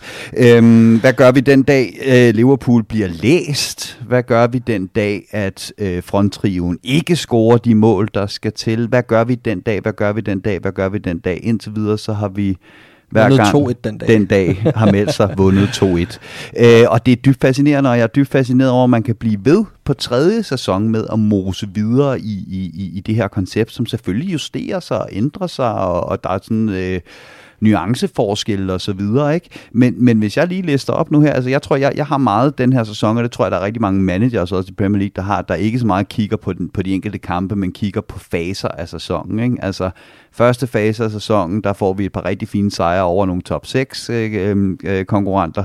Til gengæld går vi på landskampspause med at ryge ud af, af Carabao Cup, og så den her nedsmeltning mod, øh, mod øh, Villa, ikke? Ja. Rejser os sådan halvvejs mod Everton, og så stille og roligt ser man bare, at holdet bygger ovenpå ovenpå. Og nu går vi til næste landskampspause, øh, og har, øh, har vundet tre i, øh, i, i Champions League, øh, spillet uafgjort mod, med Everton, som på det tidspunkt var rimelig højt flyvende. Det er ikke noget dårligt Det var resultat. Øh, og det er præcis. Det var den. Og alt i alt, så er, synes jeg stadigvæk, City vores allerstørste mesterskabskonkurrent at spille uafgjort med dem på udebane på nuværende tidspunkt. Det er et glimrende resultat, tilstanden taget i, uh, i betragtning. Nu har vi, og det siger jeg bare lige sådan, øh, vi har Tottenham som eneste top 6 modstander fra nu af og til 16. januar, hvor vi møder United. Altså, det, det, det her kampprogram, hvor andre hold har været oppe og nede og rundt og tilbage, og Southampton fører, Leicester fører osv., det er altså et solidt kampprogram, vi har været igennem, hvor vi lige nu ligger rigtig, rigtig, rigtig, rigtig fint til i ligaen, og det er ikke fordi, at jeg siger, at nu vinder vi fra nu af og indtil en gang i januar. Jeg siger bare, at vi har lagt et fantastisk fundament for at rigtig skyde sæsonen i gang, når øh, juleprogrammet starter, og det er jo det, vi hele tiden har snakket om, skulle være tilfældet. Så siger jeg, at vi vinder herfra og til fucking januar. Altså, fordi øh, jeg, Yes. jeg føler mig overbevist om, der går måske en, maks to kampe efter pausen. Vi har Leicester lige bagefter. Mm. Øh, og så har vi øh, noget Champions League, hvor vi kan slå fuldstændig øh, streg under, at, at Liverpool skal spille i foråret også. Og det vil være fantastisk. Der kommer nogle spillere tilbage på den anden side af landskampspausen. Øh, I Fabinho og Thiago må vi forvente. Så håber vi, at, at Matip er, er et godt stykke tættere på, på, på noget, der minder om sådan en god kampform. Øhm, og, øh, og der forventer jeg, at Liverpool begynder at sætte sværet ind. Altså, det var det samme, vi så øh, sidste år hen mod slutningen af november. Så begyndte man, så trumlede man hen over øh, jule, øh, Mm. eller hen over hele december, og, og ind til ja, slut januar, midt februar faktisk, ikke? Øhm, og det forventer jeg noget i, noget i samme stil. Altså, øhm, det er, det er en ekstraordinær sæson. Kampene kommer tættere. Preseason har været noget underligt noget. Øh, der har allerede været utallige mærkelige resultater og alt det her. Men jeg forventer, at Liverpool begynder at sætte skik på. Altså, hvor er det, hvor er det vi skal ligge henne i år? Hvad er det for en form, man kan forvente, at Liverpool lægger for dagen? Jeg tror, der kommer mange flere af de her toppræstationer, som vi har set øh, få eksempler på indtil videre, men Hmm. som vi dog har set lidt af Mm. øh, med, med, med kampen i Atalanta som, som, øh, som højdepunktet. Ikke? Øh, det forventer jeg, at vi får meget mere af her efter pausen, og jeg tror, at det her med, at Fabinho og Thiago, så centrale spillere på det her hold, med, med, med Fabinho til at rotere, eller med, hvad hedder han, øh, Matip til at rotere ind bag, det tror jeg kommer til at give Liverpool et kæmpe løft. Skal vi til at omskrive øh, det der citat, Riese, med, at øh, fodbold er et spil, der var 90 minutter, og det ender med, at øh, tyskerne vinder til, at det bare er Liverpool i stedet Så for? det bare er tyskeren. Tyskeren, ja. Tyskeren vinder 2-1. ja, tyskeren vinder 2-1. Det vil, det vil det, vi er ved at være efterhånden. I hvert fald meget, meget imponerende, må man sige. Øh, Jeg tror, der var rigtig mange, mig selv inklusive, der sked en lille smule i bukserne over tanken om at være uden Van Dijk.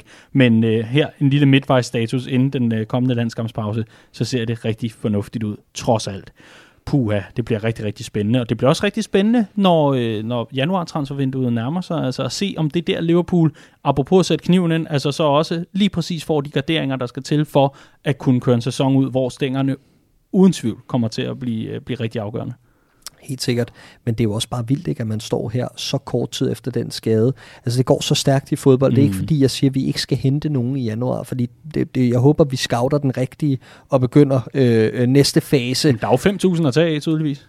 ja, det er også ham, rigtigt. vores øh, research-direktør. Nej, men, men, men jeg håber bare, at, at eller jeg håber selvfølgelig, at, at vi har scoutet mm. den helt rigtigt og så videre, men det er ikke fordi, man sidder tilbage nu og tænker, for alt i verden skal vi hente noget. Altså, altså Okay. lige, jamen, det synes jeg ikke, man gør. Nå, det synes altså, jeg. Det, det, det, det synes jeg ikke, fordi nu har vi set, at selv de yderste mandater i truppen, selv de yngste spillere i det her setup, kan egentlig begå sig og, og sørge for, at Liverpool som enhed fortsætter på, på noget, der ligner et, et, et, et hvad hedder det, kvalificeret spor. Øh, så selvom jeg selvfølgelig håber på, at vi har den rette mand i kikkerten, så, øh, så sidder jeg og tænker, at vi skal sgu nok klare den.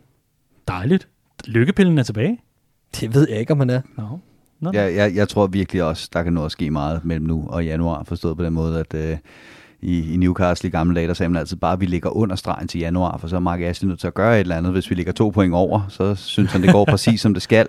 Øh, Matip er ikke kendt som en spiller, der ikke går i stykker. Øh, Gomez er ikke kendt som en spiller, der ikke går i stykker. Kommer vi frem til januar og har øh, mistet endnu en spiller i midterforsvaret, så skal der jo ske noget. Men jeg er helt enig i, at, øh, at øh, som det er lige nu, så er Rhys Williams klart Ballon d'Or-kandidat øh, Enig. 2020. Enig. Ah, hvor dejligt. Fedt, Riese. Så fik vi lige lidt intern øh, fnider fra Messenger-chatten ind i podcasten. Det var dejligt. Det er også, det er også vildt nok, ikke, at, at han, han spiller en, noget, der i hvert fald kandiderer til en uh, Man of the Match-titel i Bergamo, og så dagen efter bliver han nomineret til Premier League 2 Player of the Præcis, Month. det, er, det er stærkt. Ja. det, er, det er virkelig, virkelig stærkt. Og øh, Liverpool øh, ligger altså trods alt rigtig, rigtig stærkt i øh, tabellen, ligger rigtig, rigtig godt i gruppespillet og så videre. Så øh, ingen panik, det er der ikke nogen grund til, øh, selvom øh, Van Dijk er ude, og, og det hele har været lidt vakkelvognt. Det er altså en øh, meget, meget mærkelig sæson, vi, øh, vi har gang i, men øh, vi må prøve at få det bedste ud af det. Er der nogen sidste kommentar, inden vi kaster os over øh, vores øh, to venner, Bella og Birdie? Jeg savner Thiago. Ja, skal Det vi... må jeg sige. Ja, altså det har jo tydeligvis været, været en, øh, en skade, der var øh, slemmere, end man lige umiddelbart yeah. øh, vurderede den til i første omgang. Ja, yeah, altså det, det er sådan lidt svært at blive klog på, hvad det egentlig er. Men uh, det var egentlig bare lige en afsluttende bemærkning, og ham glæder jeg mig så meget til at se efter, efter landskabspausen. Ja, det er, vi, det er vi flere, der gør. Det, det var så fedt og så lovende, og så dejligt at få ham i gang, og så, så det blev det bare abrupt lige pludselig. Det, øh, det ville være dejligt at have med i, øh, ja, i det sidste heat, inden vi skriver 2021. Det ville jo Helt være klart. helt, helt vidunderligt. Riese, øh, nogle bemærkninger, noget taktisk, et eller andet, du har på bloggen, du skal af med? Ikke andet end, øh, jeg kan kun opfordre til, også selvom jeg faktisk selv synes, det kan være lidt svært i øjeblikket, se så meget fodbold, du overhovedet kan komme til, fordi det er så nemt at sidde her og sige, at Liverpool har problemer, og det her, og det her, og det her fungerer ikke. Øh, prøv at se nogle af de andre Premier League-hold, og så øh, se, hvordan det sejler rundt, hvordan kamp for kamp, så går det op og ned i et, et tempo, så den gamle rushibane på bakken ikke kan overhovedet være med. Øh, fodbold bliver ikke spillet i et vakuum, der kun handler om Liverpool, og det er bare en absurd, mærkelig sæson. Så øh, få set de andre hold, se hvor fuldstændig vanvittigt det også øh, svinger, øh, svinger der, og se især øh, nogle af de andre ligaer, så I kan se, at det ikke kun er i England, der bare sejler. Jeg vidste, jeg ville sige. Men, men det der med, at det ikke er et vakuum, der kun handler om Liverpool, det, det var lidt ligesom, da, når man er barn, og det gik op for en, at når, altså, andre kunne godt lave noget, uden at en var med. Altså det der med, at når I legede sammen, da jeg var gået, nej, hvor ærgerligt, ikke? Det, det er lidt, lidt samme ting, jeg har, har kørende nu. Nå, men jeg siger bare, at, at, at, at altså, hvis ikke man har fulgt med her de sidste tre måneder, så viste det sig, at uh, Arteta i virkeligheden var den nye Sean Dyche, og ikke den nye uh, Guardiola. Det blev simpelthen nødt til at uddybe. Men de har scoret ni mål i otte kampe, er det ikke sådan? Ja, det passer meget godt. Oh my god. Og Arsenal, Arsenal. Hvor er det, hvor er det vidunderligt. Og øh, så lad høre, I har slet ikke nævnt noget med var. Ja, Hvor er det vidunderligt. Jamen, jeg overgår det ikke. det, det, det skal lytterne næsten vide. Det, det er simpelthen det er, øh, det er noget nær taget ud af sådan, altså Groundhog Day apropos. Altså hver evig eneste gang, at vi skal til at sætte os til mikrofonerne mandag efter mandag, så tager I to lige en tur med de seneste Ej, men prøv, skandaler jeg, fra jeg, weekenden. Nej, men det er fuldstændig lige- ligegyldigt. Jeg kan ikke fodboldreglerne åbenbart. Så, Nej, det kan du ikke. Det, det kan jeg, jeg ikke længere. Så Det er der ikke nogen, der kan. hvor længe tager den uddannelse inde på Københavns Universitet? Syv år? Altså i fodboldreglerne? Ja, i fodboldreglerne Altså, anno det- 2020. Jamen det er jo en PhD, ikke? Jo, men det er Så, det. Altså, ja. det er jo... Men er det en Jesus. RUK-PUD, eller er det en, en KU-PUD? Det, det er lidt det, der er Så det er interessant. så det, der, der er spørgsmål. Nej, men, det, er- men, men for at være helt ærlig, så, så altså, en, gang var, en gang var jeg vred over det her. Ikke? Altså, der er sådan forskellige stadier af sovebearbejdelse. Nu er jeg bare sådan blevet apatisk. Altså, jeg synes, Mm. mm. jeg synes det, er, det, det, det dræner energi fra mig, at, Mm. mm. øh, at, at snakke om bare, så det gider jeg faktisk ikke længere. Jeg har sagt, hvad jeg skulle sige. Men sådan er det nu engang, og Southampton ligger til at blive mestre. Det er øh, trods alt stadigvæk rart at være Liverpool-fan. Trods alt. Så skal vi til det. Vi skal øh, forbi Bella og Birdie, inden vi øh, lukker ned og holder landskampspause for Copcast. For Liverpool Watch vender tilbage i landskampspausen. Det gør vi altså med en ny episode, øh, optaget mandag den 16. november bliver det jo så. Og allerede nu, hvis du sidder og øh, er fastlytter, både på Copcast, men måske også på Liverpool Watch, så kan du altså byde ind med emner eller noget andet. Øh, vi er at finde inde på øh, inde den Facebook-gruppe, der hedder Liverpool Watch lyttergruppe. Så er der simpelthen sådan en lille, lille nørdeforum, hvor Patrick Pilov, vores Academy-redaktør på Redman Family, han ligger og opdaterer fra, jamen det kan være udlånte spillere og ungdomsholdene, og hvordan de gør det osv. Og derinde, der er der altså også fri mulighed for at komme med, åh, vil I ikke nok please tale om, hvordan Rhys Williams han bliver netop den næste Ballon d'Or-vinder, eller så fremdeles. Så øh, ser vi nærmere på de ting, der kommer ind i, i dueslaget, og tager dem eventuelt med i øh, den næste udgave af Liverpool Watch. Og inden vi går i gang med Bella og Birdie, så bliver jeg simpelthen nødt til at erkende et nederlag, dreng. Ja. Jeg, jeg er meget, meget ked af det. Vidste I godt, hvor svært det er at finde termokopper med et nogenlunde tryk til noget, der minder altså, om en pris på under 25.000 kroner. Det er helt absurd, så dyrt det er. Seriøst, jeg er ved at få en nedsmeltning over det. Jeg har, jeg har givet op. Og øh, i den forbindelse vil jeg gerne sige tusind, tusind tak til øh, vores lokalformand i Slagelse, Jonas Højland. Jonas for pokker, tak for hjælpen med at prøve at finde på bud. Men, men det giver simpelthen ikke nogen mening. Det- altså, ah, Det er, det er New- Newtons mindre kendte fire lov om termo- termodynamik. Fuck, det er dyrt. Nå. Men øh, ligesom øh, Jürgen Klopp, der får Van Dijk skadet og alt muligt andet, så har jeg også en plan i baglommen. Så nu får vi produceret godt gammeldags keramikkrus. Sådan. Copcast Kruse vender tilbage. Og øh, det er sat i, i fuld sving og alt muligt andet. Så fremadrettet, øh, forhåbentlig på den anden side af landskampspausen, så kan man altså ved at byde ind med Bella og Birdies her til Copcast, altså være med i lodtrækningen om en kop, så trækker vi en hver måned, hvor vi nominerer de bedste øh, Bella og Birdies, og så udvælger vi en vinder, og så ryger der ellers et styks kop i en retning, hvis man har lyst til det. Man, man kan også blive fri, det, det må man også bare gerne, så kan vi sende den til nogen, der, der trænger mere. Ikke desto mindre, Bella og Birdie er det, vi er nået til, og øh, jeg glæder mig rigtig meget til at høre, hvad, øh, hvad din Birdie er i, øh, i den her uge, Riese. Hvad er den? Øh, jamen, jeg synes ikke, der er øh, så meget andet at komme efter end øh, skaden til øh, Trent Alexander-Arnold. Og det er både skaden til ham, fordi han er del med vigtig. Øh, den så heldigvis ikke så alvorlig ud. Det er lidt svært at sige med de der muskelskader. Mm. Men hele situationen, vi står i lige nu, hvor at ikke kun i Liverpool, men i alle klubber i øh, Premier League, for ikke at sige fodboldverden, der ser man bare flere og flere af de her skader, som er fuldstændig uden kontakt med andre spillere. Der er simpelthen bare en spiller i tilbageløb, der lige pludselig begynder at halte, sætter sig ned, og så er der øh, udskiftning, og det er endnu en muskelskade.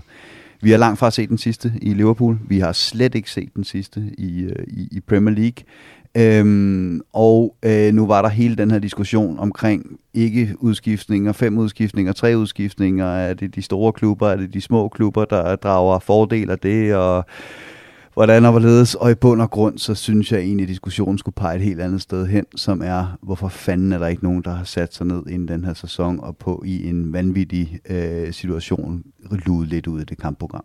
Mm. Øh, det, det, det er vanvittigt. Det er vanvittigt, det vi ser lige nu, Mm. i forhold til, hvor mange kampe, der skal spilles, og det går ud over spillerne. Nå, men også bare, altså, har man ikke interesse i, at de engelske klubber skal klare sig godt i Europa fra Premier League side? Altså, jeg forstår ikke, at det ikke er blevet fremlagt på en anden måde. Det er ikke så meget om det gavner top og bund. Det er lige så meget om bare at passe på altså trupperne, passe på kvaliteten af engelsk fodbold. Mm. Øh, jeg synes, det er forkasteligt, at man ikke øh, har givet plads til, især med tanke på, at det, det er blevet gjort alle steder i, i, i Europa ellers. Ikke? Øh, Altså, der, der, jeg, jeg, jeg, skulle ikke, jeg, jeg, jeg kan grundlæggende godt se øh, argumentet, der hedder, at det kommer de, den, de klubber med den bredeste bænk kommer det selvfølgelig til gode, at man må skifte fem. Mm. Og når man har to kvalitetsspillere på hver plads i topklubberne, så må man jo så også være klar til at bruge dem. Ikke? Altså det, mm. det, det, den, ja, den diskussion, det, det, det, der kan jeg se den fra begge sider. Det er egentlig ikke så meget det. Det er mere det, at nu skal, vi, nu skal vi til at have folk på landskampspause igen for at spille Nations League. Hvorfor? Jamen, hvor, og, jamen, der er også nogle vigtige kvalifikationskampe og så videre. Altså, jeg er, jo, jeg er jo notorisk kendt for at være landskampspausehader, øh, og det er sådan en brand, jeg har bygget meget, meget sikkert op over de sidste par år, og, og det har kostet lidt, øh, i hvert fald på, på, på Twitter-kontoen i tid og, i tid og utid. Og den seneste gang, at jeg ligesom fik harceleret imod, at man afholdte et Ja, og det var en landskampspause i en global pandemitid. Ja, det er helt uhørt. Der fik jeg at vide i indbakken, øh, og det må, må blive anonymiseret, der fik jeg at vide. Men prøv nu at tænke på, hvor mange penge der er for spil, også ja, for forbundene. Men, og, og, og det kan simpelthen ikke forblive og, et argument. Og det, Alle taber og, penge for tiden, og, jo for pokker. that's it. Det er netop det, det kommer ned til. Og det er det, min yes. pointe her, det er, hvorfor bliver der spillet alle de fodboldkampe, der gør lige nu? Det gør der, fordi ellers så er der nogle tv-selskaber, der har rigtig mange penge 100%. til gode. Men øh, det skal jo blive spændende, at der er nogen, der simpelthen tager protesten til, til nye højder og bare stiller med ja, 11 får eller eller andet. Ikke? Så kan de gå og græsse og sørge for, at Wembley bliver pæn. Ikke desto mindre, så øh, var det altså din birdie for, for den her gang. Så humøret ligesom sat herefter. Jeg vil gerne lige byde ind med et par birdies, inden øh, vi hører din, Clark. Og øh, her har vi en fra Johannes Reike, der øh, byder ind med birdie Minamino, der ikke klarede kottet til bænken.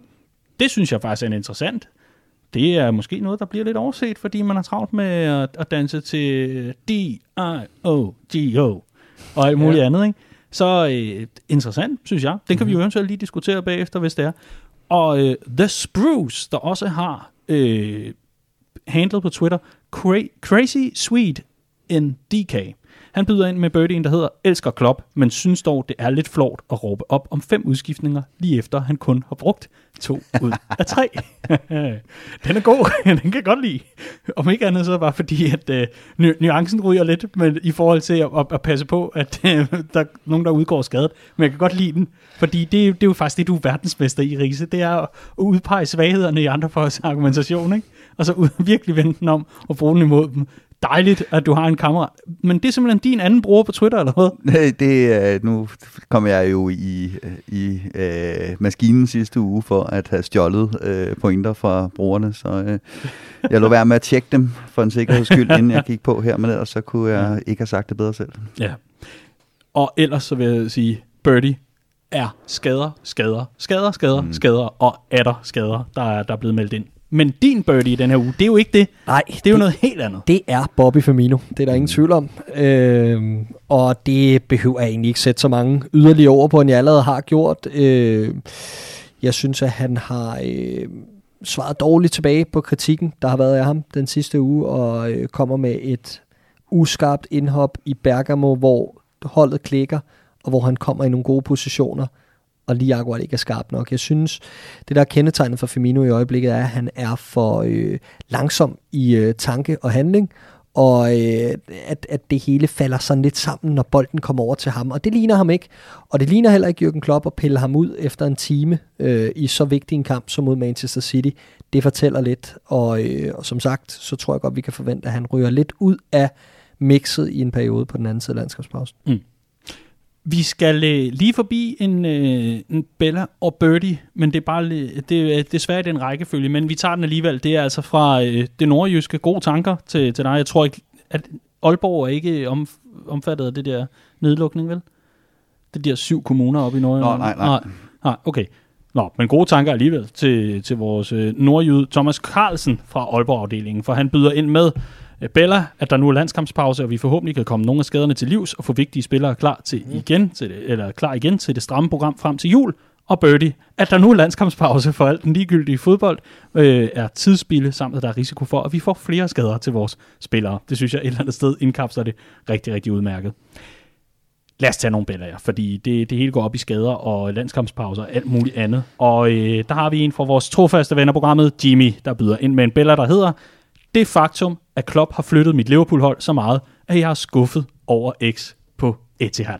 Det synes jeg er en fremragende billede. Øhm, så har vi øh, Mathias Jensen. Det må være fra vores øh, køreafdeling. Øhm, han byder ind med, Liverpool har ikke tabt siden Virgil van Dijk's skade, på trods af tre svære udebaner, Everton, Atalanta og Manchester City, mentale monstre. Klopp ser ikke problemerne i holdet, primært skaderne på holdet, men Klopp ser til gengæld i løsninger, hvad han har til rådighed. Han er og bliver fantastisk. Så er vi i gang. Clark, du får lov til at køre en billede. Fremragende billede, synes jeg, øh, og Ja. kan slet ikke kalde mig uenig i noget af det. Øh, jeg zoomer lidt ind på den med Jürgen Klopp, fordi han, han får min Bella for at øh, have det mandsmod at stille så offensivt op på Etihad, og øh, det var nok med tanke på noget lidt større end bare den kamp, fordi det var lidt en test for at se, om Liverpool kan øh, gøre sig gældende i den her opstilling.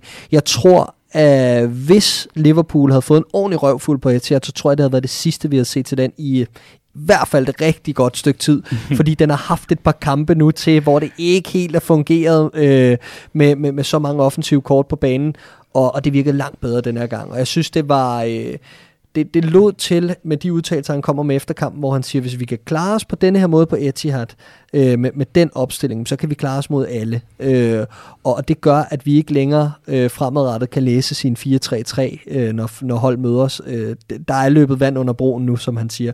Så det var en investering i at kunne spille flere systemer og være mere udforudsigelig over for modstanderen fremadrettet. Og det er et kæmpe point for det, når man får det resultat med. Mm. Johannes Række har altså også budt ind med en Bella selvfølgelig, og øh, der skriver han øh, Klopp, der frækt stiller i en 4-4-2, så vi kan få Fab for i gang. Og så en emoji, der bedst kan beskrives som, øh, Riese, vil, vil du ikke beskrive den her emoji som en, der sådan småsavler, fordi det er nice, eller der er noget lækkert? Eller er andet? nice. Jeg tror, det er den, øh, man kalder øh, Homer Simpson Ja. mm, donuts emojien. Ja. Ja. Det, er, det, det er i hvert fald den. Så, så. det må vi lige få klippet ind her. Really, the only word for it is. Yes, der var den. Super. Øh, dejligt. Riese, har du noget smukt til os? Det har jeg. Jeg overvejede faktisk at tage Jørgen Klopp også, men det var for at have så travlt med at skælde ud over en elendig frisparkskombination ja! i flere minutters overtid, at han ikke kunne sige tak for kampen til Guardiola. Ja. Det var simpelthen guddommeligt og meget øh, glimrende eksempel på, hvad det er, der har bragt Liverpool til, hvor de, hvor de er i dag. Øh, men jeg vælger en anden, og det er, øh, at øh, jeg kan huske en tid, hvor hvis ikke James Milner var på banen for Liverpool, og vi fik straffespark, øh, så troede jeg simpelthen ikke på, at vi ville score på det, helt som, øh, som udgangspunkt.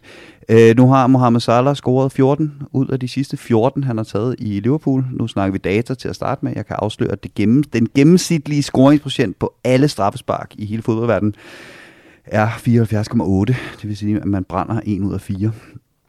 Øh, det gør Mohamed Salah ikke. Han- Og øh, noget af det, jeg lagde mærke til især det, øh, ved det her, det var, nu har, han, øh, nu har der været meget snak om, at han går ned gennem midten ofte. Og Ederson, han står derinde og venter, og så kigger Mohamed Salah op, og han har taget det tilløb, han har begyndt at tage, der giver mulighed for at sparke i begge sider, og så banker han den hårdt ind, ikke helt ud ved stolpen, men yder det nok til, at Ederson ikke kan nå derud, fordi han forventer den øh, ned gennem midten. Mohamed Salah er blevet en fremragende straffesparkskytte, øhm, og det er øh, hammerne vigtigt i en tid, hvor øh, antallet af straffespark eksploderer på grund af den her nye øh, hånd på bolden-reglen. Øh, og hvis jeg var Unibet, der ville have lidt, øh, have lidt øh, presse, så ville jeg udbetale på Mohamed Salah som topscorer i Premier League allerede nu. Fernandes øh, Og, og du ved bare, finden. og du ved bare, at Mohamed Salah brænder næste gang, fordi at Andreas Brøns Riese har siddet og... Nu stopper du. Du sidder altid og harcelerer mod folk, der kalder jinx og alt muligt andet. Ej, ja, det er rigtigt. Ja, det er det. Men Du jeg er er- enig. Jeg er Jamen, enig. og, det, og, det, og det, er, det er lige præcis det med, at, at øh, sådan en som Roberto Firmino, han, han ville have så godt af lige nu at banke et straffespark ind, men jeg vil ikke sætte ham til at tage det, og mit liv så afhang af dem, så var foran 4-0. Men, men angriber skældner ikke imellem, hvordan de scorer deres mål på den måde. Det vil sige, det kommer også til at betyde, tror jeg, at Salah scorer flere andre mål, fordi han får selvtilliden fra at score på, på de her straffespark også. Øh, så så nu, nu, nu overdriver jeg selvfølgelig også af udbetaling og så videre, men, men Mohamed Salah kommer til at score rigtig mange mål i, i den her sæson, mm, og når, når historiebøgerne bliver skrevet, så er der sgu ikke en kæft, der interesserer sig for, om det var på straffespark eller ej. Salah er en marginal bedre straffesparkskytte end Kevin De Bruyne. Det er, det er første gang, det er første gang i over to år i Premier League, at der er en spiller, der ikke engang har ramt målet på et straffespark. Og Altså, Brandt vil ikke sidst, ramme målet. Sidst må der have været Riyad Mahrez på Anfield. Øh, det kan godt passe. Det kan godt passe. Er du sindssyg, mand? Den ligger stadig i en eller anden busk nede i Stanley Park eller noget. Er du sindssyg? Det er vildt stat. men hvad vil du helst? Gør det, eller som er det måler Lukman? Øh, han ramte målet, trods alt. ja. Hmm, hmm, hmm, I don't know. Ikke desto mindre, drenge. Øh, den sidste pause for alvor. Mhm. Inden øh, vi nærmer os slutspurten, og det bliver jul, og det bliver alt muligt andet. Og op mod jul kunne det jo være, at du tænkte, jeg skal da købe Andreas Brøns Rises nye bog. Men der er simpelthen sket noget, Riese. Jamen, der har jeg sket det, Ja, at... Øh, Du er at- kommet bag, bag, bagerst i køen, fordi Jussi han- og Ja, de jamen, andre der, skal... der, der sker jo simpelthen det, at øh, der er højsæson på trykkerierne i øjeblikket, øh, fordi at alle skal have deres bøger klar til julehandlen. Øh, og øh, det er vi så lige råd ind i med trykningen af øh, vores bog, og der er vist også noget corona-forsinkelse, som der er i alle brancher i, i, i øjeblikket. Øh, seneste melding på forlaget er, at officiel udgivelsesdato er den 17. november. Den 17. november. Så hvis du Og- sidder og venter på den, så... I, vi håber virkelig, at vi kan nå at få dem ud til dem, der har forudbestilt øh, inden da, men ellers så er det fra den 17. november, at, øh, at man, kan, øh, man kan begynde at- købe den inde i vores shop med Ja. andet. Ja, forudbestil den, eller gå ned og køb den, når den kommer. Det, øh, det, er, jo- det er jo alt- altid vidunderligt. Rise, jeg glæder mig så meget til at tage at læse øh, resten af bogen. Vi medvirker jo, Clark. ja, Ja. det gør vi. Godt nok øh, tøver med Kendiser. det, det er vist dig og Rise, der, gør- der gør det. Jeg har ikke nogen forside endnu. Nej, Jeg, jeg har ikke nogen tv-programmer. Jeg, har- jeg har ikke noget. Til gengæld men har så... du set det billede, Riese har lagt af dig på forsiden af den nye bog? Nej, det har du ikke set, hva'? Det er sindssygt det er godt. Det er sjovt. Shit. Har du det? Hvad for noget? Har du smidt et billede af mig på forsiden? Ja, ja. Altså, det, det, er jo en, det er jo en bog, der, øh, kan jeg afsløre, den handler jo lige så meget om det her rejsen hen imod øh, mesterskabet. Den handler om den her proces, vi har været igennem som Mm. Liverpool-fans med 30 års øh, længsel. Ja. Og den handler også om de måske sådan lidt usunde øh, sider af det. Altså, at der er nogen, Åh, der simpelthen åh. har udviklet besættelser og kan ritualer, og der her. også måske har opstået sådan nogle, øh, nogle øh, generationskløfter og, og, og den slags ting. Ikke? Og øh, så fandt jeg jo noget for, øh, på, for gemmerne et, et, øh, billede af, af Daniel fra 13-14 sæsonen, øh, som jo... Øh, Jeg gider ikke hvor, hvor der i hvert fald var nogen, der udviklede nogle usunde vaner omkring øh, at, se, at se Liverpool og, øh, og være sæt på at vinde et mesterskab. Men øh, Ej, nej, det har jeg ikke, Daniel. Nå. Det har jeg ikke. Det, øh, Nå. jo, måske har jeg. Det, det kan jeg ikke huske. Altså, øh, er der stadig en video af dig, der, der, der har lavet en hjemmelavet Jeg vidste øh, Jeg sang om øh, John Flanagan? Åh, oh, hoisted by my own petard.